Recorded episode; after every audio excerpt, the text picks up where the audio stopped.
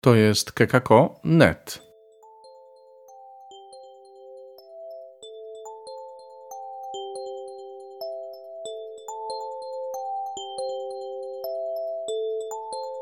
A w kekako.net między wiarą i nauką Chrystus zmartwychwstał, mówi Robert Hecyk. Witam Was, to już po raz trzeci będziemy mówić o złu, tym razem o złu z perspektywy naukowej. Ostatnio profesor Sławomir Leciejewski mówił o złu moralnym, postawił kilka kluczowych pytań. Podobne pytania postawi dziś, ale będzie mówił o złu, jakie nazywa złu fizycznym. Będzie mówił o pochodzeniu tego zła, o tym, kto za to wszystko odpowiada i o tym, czy może istnieć świat pozbawiony tego fizycznego zła. Zapraszam, posłuchajcie.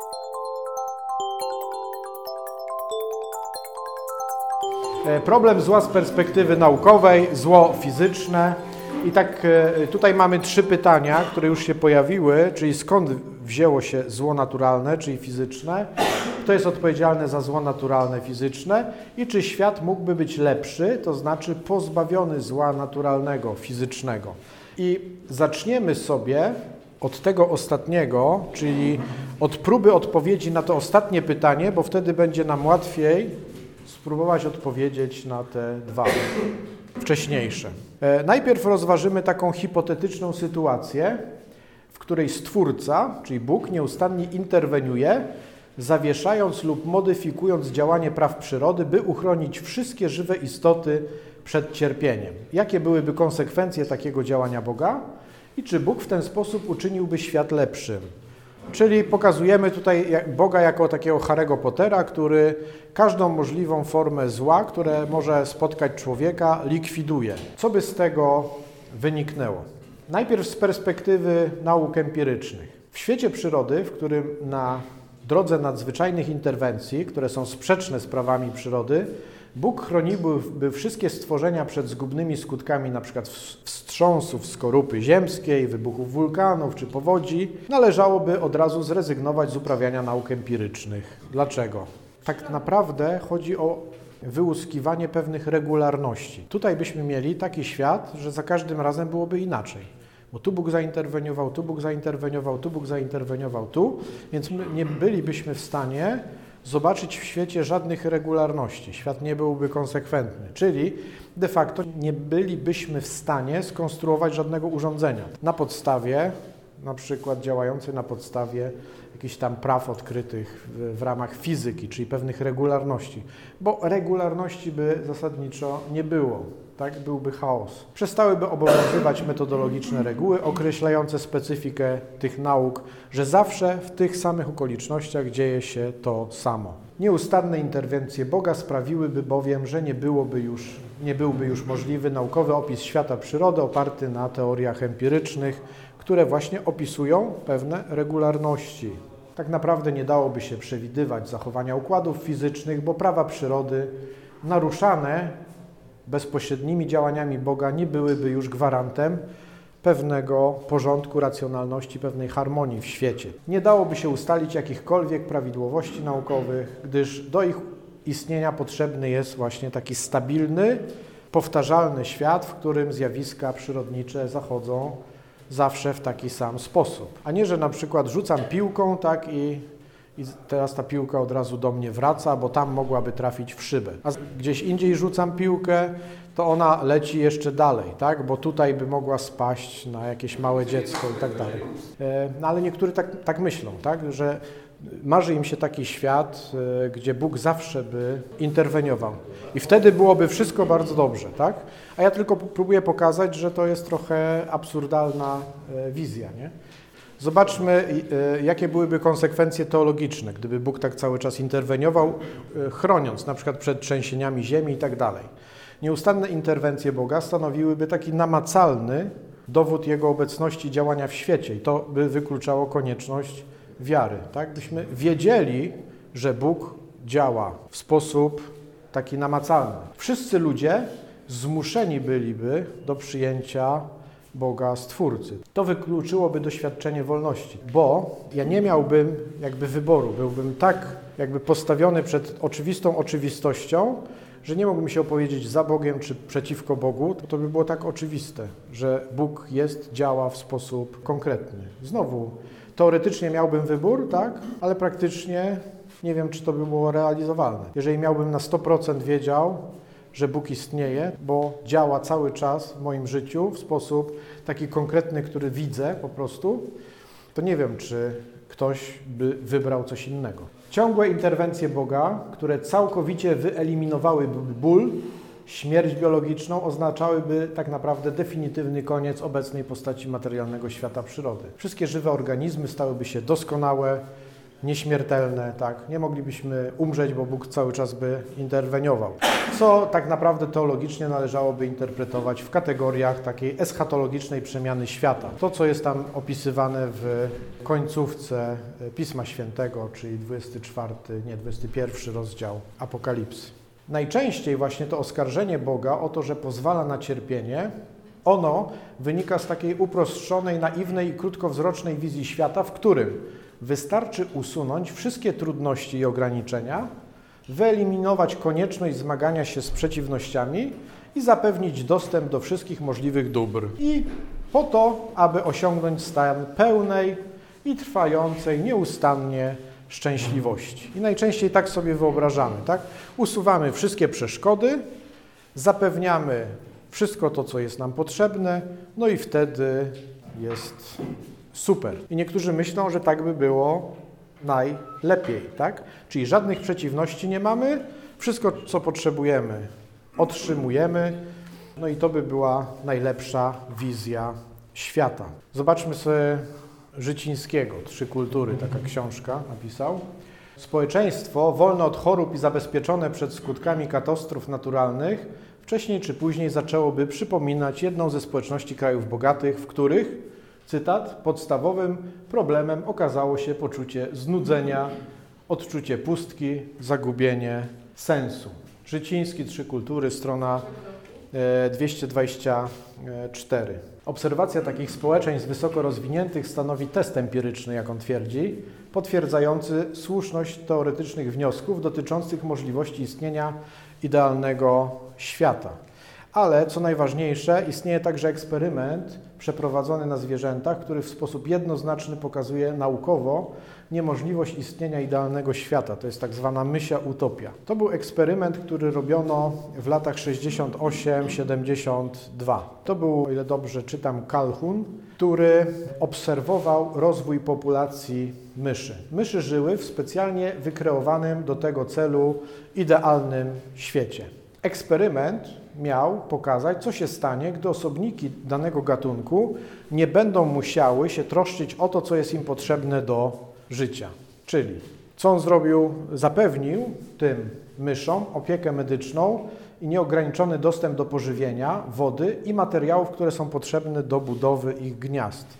Zabezpieczył także te myszy przed drapieżnikami, czyli umieścił w klatce, takiej, żeby ona oddzielała od y, zagrożeń. I co się stało? Eksperyment zawsze zaczynał się od populacji, która liczyła sobie 8 myszy, które w szybkim tempie zaczynały się rozmnażać. Doświadczenie powtarzano wielokrotnie, ale za każdym razem wynik był dokładnie ten sam, jaki za chwilę. Na początkowym etapie był szybki rozwój populacji, a później szybko następowała faza stagnacji. W fazie stagnacji rozpoczynał się etap wymierania prowadzący do całkowitego zaniku populacji, czyli wszystkie myszy umierały. Klatka, czyli to środowisko, które stworzył, mogła pomieścić 3840 myszy, żeby spokojnie mogły sobie żyć.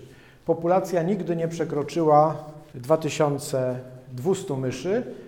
Na etapie wymierania liczba ta gwałtownie spadała do zera. Zawsze zaczynał od ósemki. Już w okresie stagnacji pojawiały się niepokojące symptomy zapowiadające kryzys i degenerację naturalnego instynktu u zwierząt. U samców zanikła zdolność do obrony własnego terytorium, a u samic zanikał instynkt macierzyński i występowały zachowania agresywny. Autora tego eksperymentu pytano, a gdyby coś takiego z ludźmi zrobić, to jak pan sądzi, jaki byłby wynik? On mówił dokładnie taki sam. W okresie wymierania cała populacja traciła zdolność do reprodukcji, następował zanik reakcji społecznych, czyli każdy sobie, nie pojawiała się agresja, która była potrzebna do obrony swojego gniazda i potomstwa, a aktywność myszy ograniczała się wyłącznie do picia, jedzenia, spania, dbania o wygląd własnego futerka. Jaki jest wynik tego eksperymentu?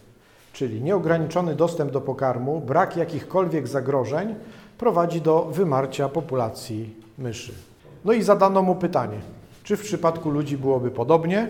No i on twierdzi coś takiego. Nie widać żadnej logicznej racji, dla której podobna sekwencja zdarzeń nie miałaby również i w tym wypadku prowadzić do wymarcia gatunku. Czyli zabieramy wszystkie przeciwności, dajemy nieograniczone pożywienie, to co jest potrzebne, no i po kilku pokoleniach po prostu nie ma myszy i pewnie z ludźmi byłoby jakoś podobnie.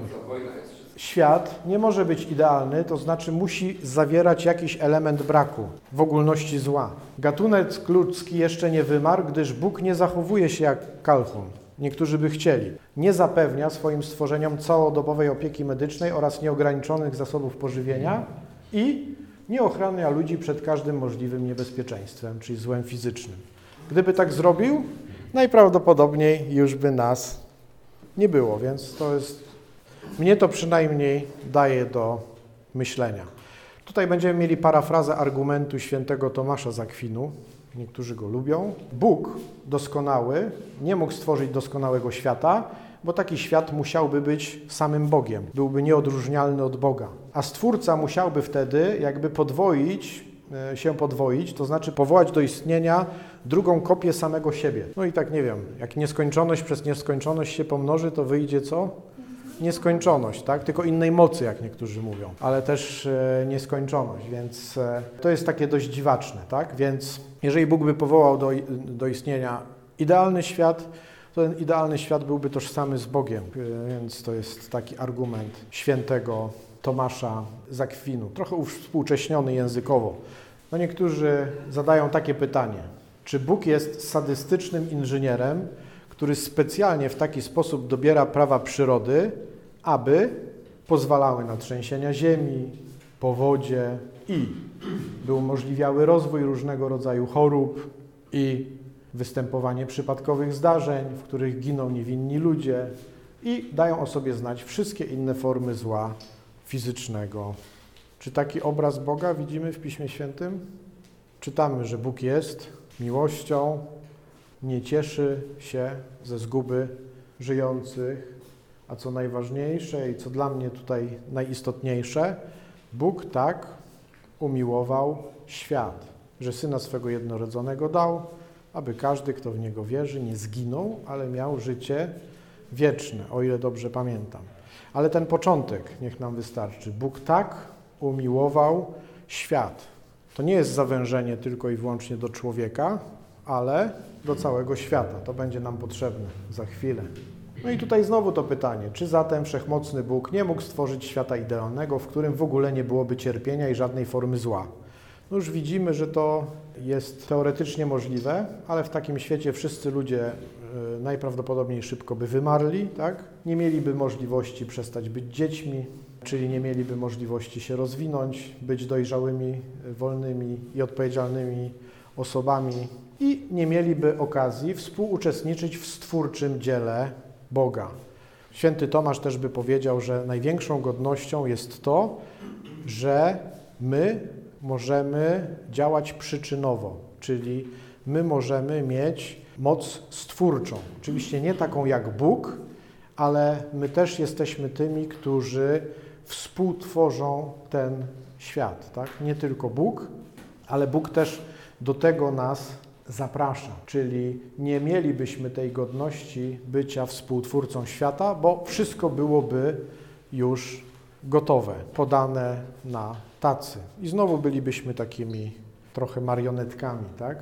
No niektórzy mówią, że czy próbują coś takiego powiedzieć, może to grzech, czyli zło moralne człowieka jest odpowiedzialny za wszelkie przejawy zła fizycznego, czyli naturalnego. No i tak kiedyś uważano, że wszystkie przejawy zła na świecie są konsekwencją grzechu. Tak? Ale jak no, rozwinęły się nauki empiryczne, to z nich dowiedzieliśmy się, że na przykład taka katastrofa, dzięki której, czy z uwagi na którą wymarły dinozaury, spowodowała to, że my się tu pojawiliśmy. Czyli, że różnego typu kataklizmy na Ziemi się pojawiały, zanim my na tej Ziemi się pojawiliśmy. Tak? Ziemia istnieje ze 4 miliardy lat, cały wszechświat ze 13,7 miliarda lat i różne dziwne rzeczy, które nie tylko są optymistyczne, się w tym świecie zdarzały. I gdy rozwinęły się nauki szczegółowe, które mówiły o ewolucji kosmologicznej, fizycznej, chemicznej, biologicznej, później społecznej, zdano sobie sprawę, że to zło naturalne, na przykład starzenie się, śmierć, wybuchy wulkanów, no istniało zanim pojawił się człowiek. No i niektórzy w tym kontekście zaczęli mówić o złu, że zło jest pewnym brakiem, ponieważ wszystko, co Bóg stworzył, było dobre, zło jest jedynie brakiem lub zepsuciem dobra. I w różnych tam odmianach by tak twierdził Orygenes, Plotyn, taki filozof, święty Ambroży czy święty Augustyn. Czyli zło jako brak dobra, tak? Bo gdyby zło było bytem, czyli czymś konkretnym, to należałoby przyjąć, że kto je stworzył? No Bóg, bo Bóg stworzył e, wszystko, tak?